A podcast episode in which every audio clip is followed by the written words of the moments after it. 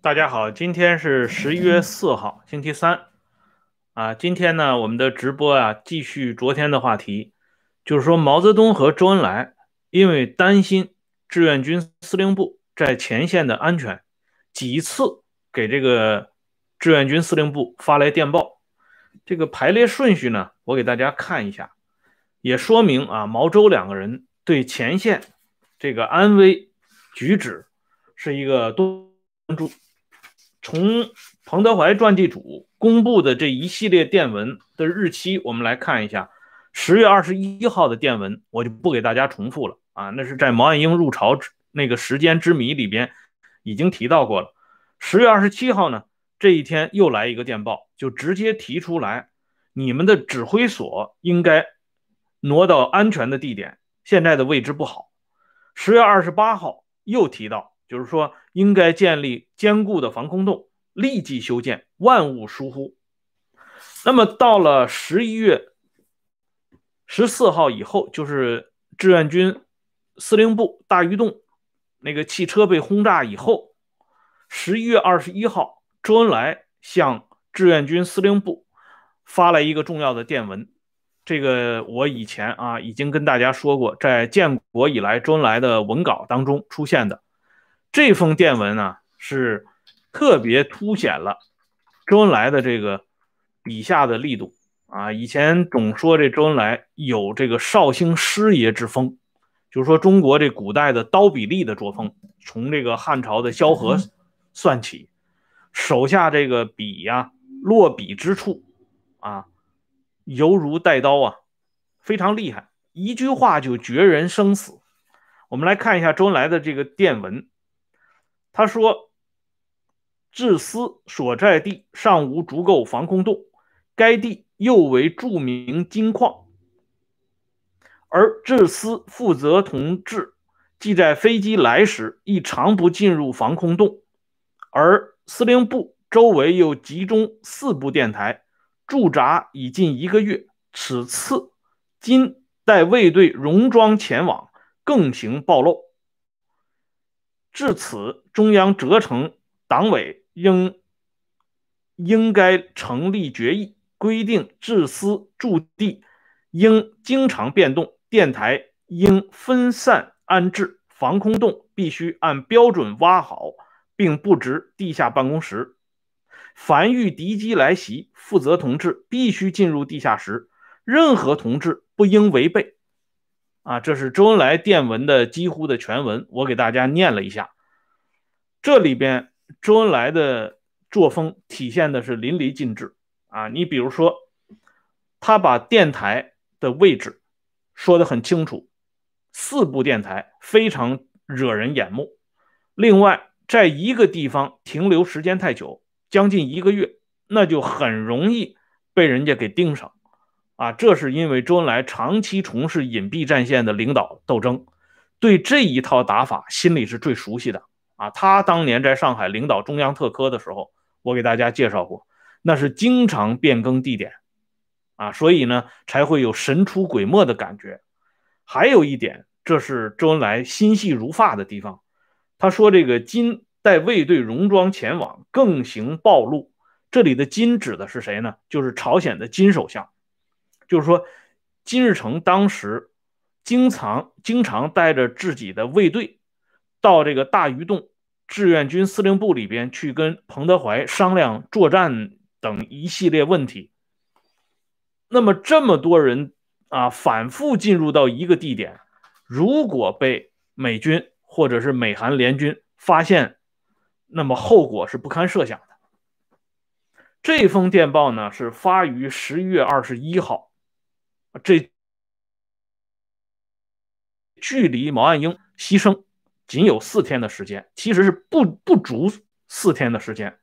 那么，在周恩来的电报发完之后，十一月二十四号，也就是出事的头一天，毛泽东的又一封电报赶到了。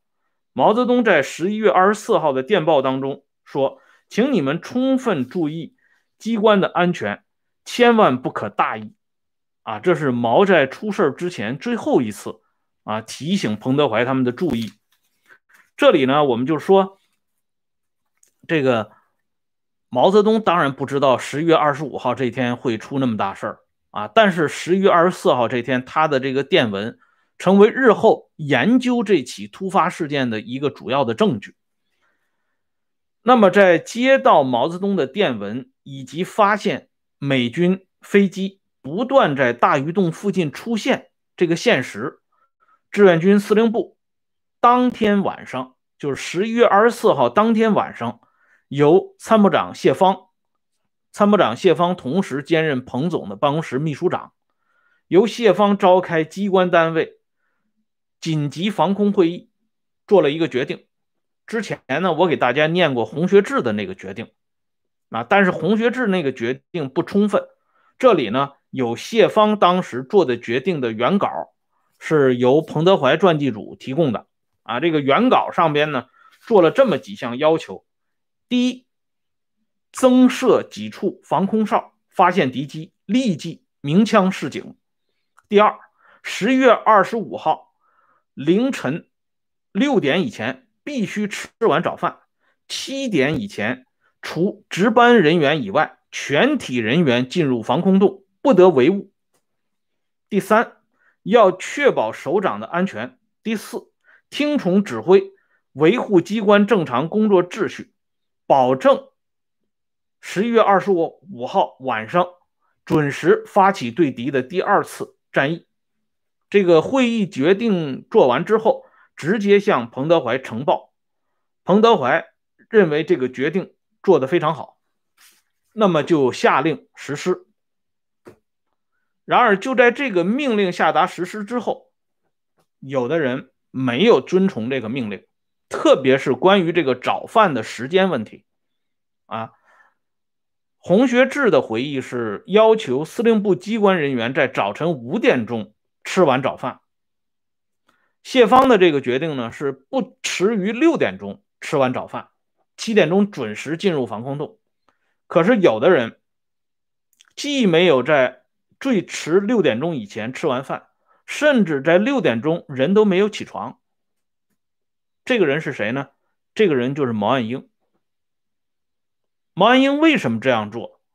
啊，包括后边那碗传奇的蛋炒饭，以及另外一个由徐母元。参谋提供的一个更详实的回忆，这两个点以及程普本人作战处副处长程普本人回忆，在围着炉子烤那个苹果皮，这三个节点放在一起考虑，就一下子把当时毛岸英殉难的前前后后最主要的原因给挖了出来。以往呢？大家通常是把眼光聚焦到彭德怀对于毛泽东和周恩来发来的这个电报落实的不够准确，落实的不够完整啊，落实的不够彻底这方面来。包括彭德怀本人在一九五一年二月份回到北京，当着毛泽东的面也专门做过类似的检讨啊，我回头会给大家详细的说。然而，通过对历史细节的解剖，我们发现。彭德怀当时所做的这个决定，就是说，谢方他们做出这决定，彭德怀批准。志愿军司令部当中，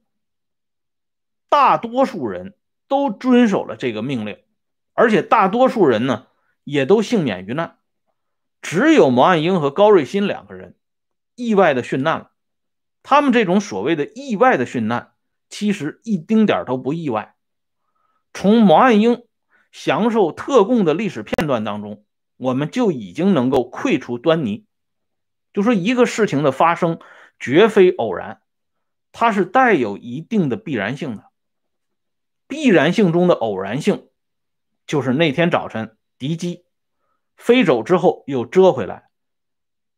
还有这碗蛋炒饭，还有那苹果皮，还有那个我一直没给大家揭开的谜底啊。这三个点连这一个线，这个事件基本上就完整了。所以，如果到今天我们还纠缠在彭德怀是不是执行了毛泽东的电文，是不是有忽视周恩来的谆谆告诫啊、谆谆教导啊，都是不可信的。这里呢，我给大家看一个档案资料，这是由中国官方发布的这个百年朝这核定本里边提供的苏联啊前苏联伊万诺沃国际儿童院的档案。应该说呢，这个前苏联有一件事做得很好，他的档案工作呀抓得很到位，而且这些档案呢保存的也很完好，没有在他们啊垮台之前把这些档案消灭掉，所以这些档案陆陆续续呢都流到了这个市面上，得以让我们通过这些档案看到一些历史上最隐秘的地方，其中这个苏联的伊万诺沃国际儿童院。这个档案提供的非常及时，因为这份档案就让我们看到毛岸英在前苏联的卫国战争最艰难的时候，他在享受特殊供应的那个历史片段。否则的话，我们不知道这个历史当年还有这么一幕。这里呢，收集了1943年3月14号。三月二十号，一直到一九四三年十二月初，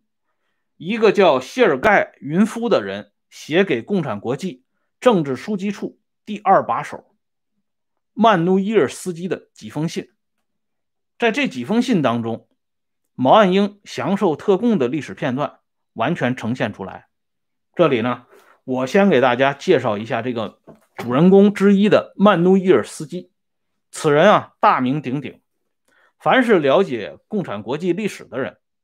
都应该知道啊。这刘英自述，张闻天的夫人刘英晚年留下这本回忆录，里边也提到这个曼努伊尔斯基。此人是共产国际执委会啊常务委员，同时还是政治书记处书记。他呢是当时共产国际。主要负责人季米特洛夫的第一副手，他对中共方面的影响无疑是巨大的。这里呢，就引到了刘英之述。刘英的回忆录里头提到这么一件一件事情，就是张闻天和刘英回到延安以后，曾经去看过一次正在居家养病的王明。王明。亲口对张闻天讲过这么一番话，他说：“这一次延安整风，就是整你我这些从莫斯科回来的同志。”四零年三月，周恩来从莫斯科治疗那个胳膊那个伤啊，胳膊这个受伤以后返回延安的时候，曾经传达共产国际主要领导人曼努伊尔斯基的话，说张闻天是。我们党的理论家，啊，是中国共产党少有的理论家。这周恩来传达的时候，毛泽东就在场，所以毛泽东听完以后不屑一顾的说了一句话，甚至是大发脾气：什么理论家，背了几麻袋教条回来？啊，这是毛泽东对张闻天的贬损。但是通过王明的这番话，我们可以看到，当时共产国际这个曼努伊尔斯基，在中国共产党的心目当中。地位是很高的一个人物，他随随便便讲的一番话，都要由周恩来回来对常委们进行当面的传达。而这个曼努伊尔斯基曾经担任过乌克兰食品工业人民委员，所以他呢被斯大林和季米特洛夫专门折成负责这个伊万诺沃国际儿童院，因为这个国际儿童保育院背景相当复杂。这里边呢，集中了大量的共产国际阵营里各个国家共产党头脑人物的子女，说白了就是红二代。哎，对待这些孩子们的保护，那是要当成一件大事来办的。所以专门让曼努伊尔斯基来负责这件事情。那么，在一九四三年三月份的时候，啊，毛岸英给这个曼努伊尔斯基写过这样一封信，我给大家呢。简单念一下这封信，啊，开头是这么写的：从莫斯科向您致以热烈的问候，扎哈罗维奇，非常感谢您寄来的圆面包、糖、奶油和煎肉，我太需要这些了，才两百卢布，还需要再多一点钱。这是毛岸英跟曼努伊尔斯基的一次通信里边提到的。我们知道，一九四三年三月，当时啊，苏德战争正进入转折关头，而苏联因为苏德战争的原因，物资匮乏，生活困难。即便是他高层中央委员和中央政治局委员、中央书记们，他们的生活呢，也比照以前有极大的落差。但是为了让这些在伊万诺沃国际儿童保育院里边的红色后代们生活的幸福，所以曼努伊尔斯基他们想方设法、绞尽脑汁儿啊，从全国调来大批的特供食品，包括啊一大批这个金钱和财物。源源不断的供给给这些孩子们，啊，这才有了毛岸英刚才信当中提到的圆面包、煎肉、牛奶等这些老百姓根本想都不要想的东西。换句话说，在前线战火纷飞的时候，这些红色后代已经很早的就被送到最安全的地点，啊，保存起来了。只不过呢，人算不如天算。包括最伟大的父亲斯大林也没有想到希特勒敢于发动苏德战争，所以让这些儿童保育院里的这些红色后代的当中的一部分人遭遇了前所未有的劫难。比如说朱敏他们这些人，就像电影《红樱桃》里边啊部分展现的那个样子，这是他们意料之外的。也从这里我们就可以看到，至少从上个世纪啊革命如火如荼的时候。对外号召广大青年冲到第一线去，冲到最前线去，奉献自己的青春、汗水和生命。而他们呢，另外一方面把自己的子女啊，却安然无恙地送到革命的大后方，最稳妥的莫斯科保护起来。啊，所以这个历史传统是有极大的传承的。不要以为今天啊，他们浩浩荡荡的开向西方是偶然性，不是偶然性，它是。真的是历史传承过来的啊！因为那个时候苏联就是他们心目中的西方，是最安全的地方，所以他们的子女受到最好的照顾，受到最好的教育，都是理所应当的。哎，比如说我大家，我给大家之前讲陈伯达的儿子陈晓达啊，因为哭闹，呃，执意要上飞机啊，那才几岁的小孩嘛，最后经毛泽东现场批准，陈晓达。就跟陈祖涛他们一起坐上了飞机，飞往苏联。这如果是一般干部、普通干部的子女，你的孩子再哭再闹，你可能摸到飞机吗？可能被批准坐上飞机吗？那是不可能的。那么下面呢，我们再给大家展示一个罗荣桓传。这个罗荣桓传里边呢，向我们记叙了这么一段事情，就是在辽沈战役啊这个大打之前，彭德怀因为啊彭德怀。罗荣桓因为身体的原因，曾经短暂的去苏联啊治疗，啊中央批准，他到莫斯科之后呢，如张太雷的儿子啊张大宝，蔡和森的儿子蔡伯，毛泽东的儿子毛岸青，刘少奇的儿子刘允斌和女儿刘爱琴，朱德的女儿朱敏，李富春的女儿李特特，林伯渠的女女儿林丽。啊，这些人呢，都经常能够见到罗荣桓。罗荣桓看到这些红色后代正在茁壮的成长，表示非常欣慰。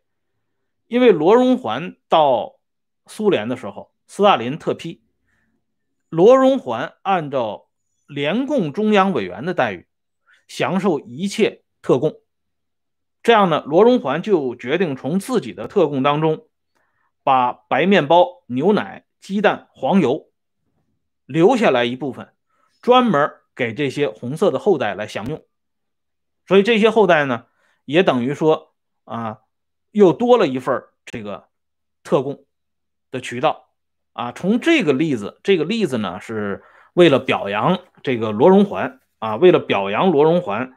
这个对红色后代的关怀啊，所以呢，提了这么一段故事。不过，我们通过这段故事。我们就可以看到，这些人很早就跟一般干部、一般百姓的子女不一样了，啊，他们享受特供的历史片段，与后边毛岸英不按时吃早饭，和他吃的早饭与一般人吃的早饭不一样，形成了一个有效的对接。而正是这个对接，让毛岸英走上了不归之路。好了，今天呢，咱们这个话题就先说到这里，明天将给大家正式揭出谜底。感谢朋友们上来收看和支持。下面呢，我把这个温相说时政会员频道给大家发一下，感兴趣的朋友欢迎加入温相说时政会员频道，每天都有更新。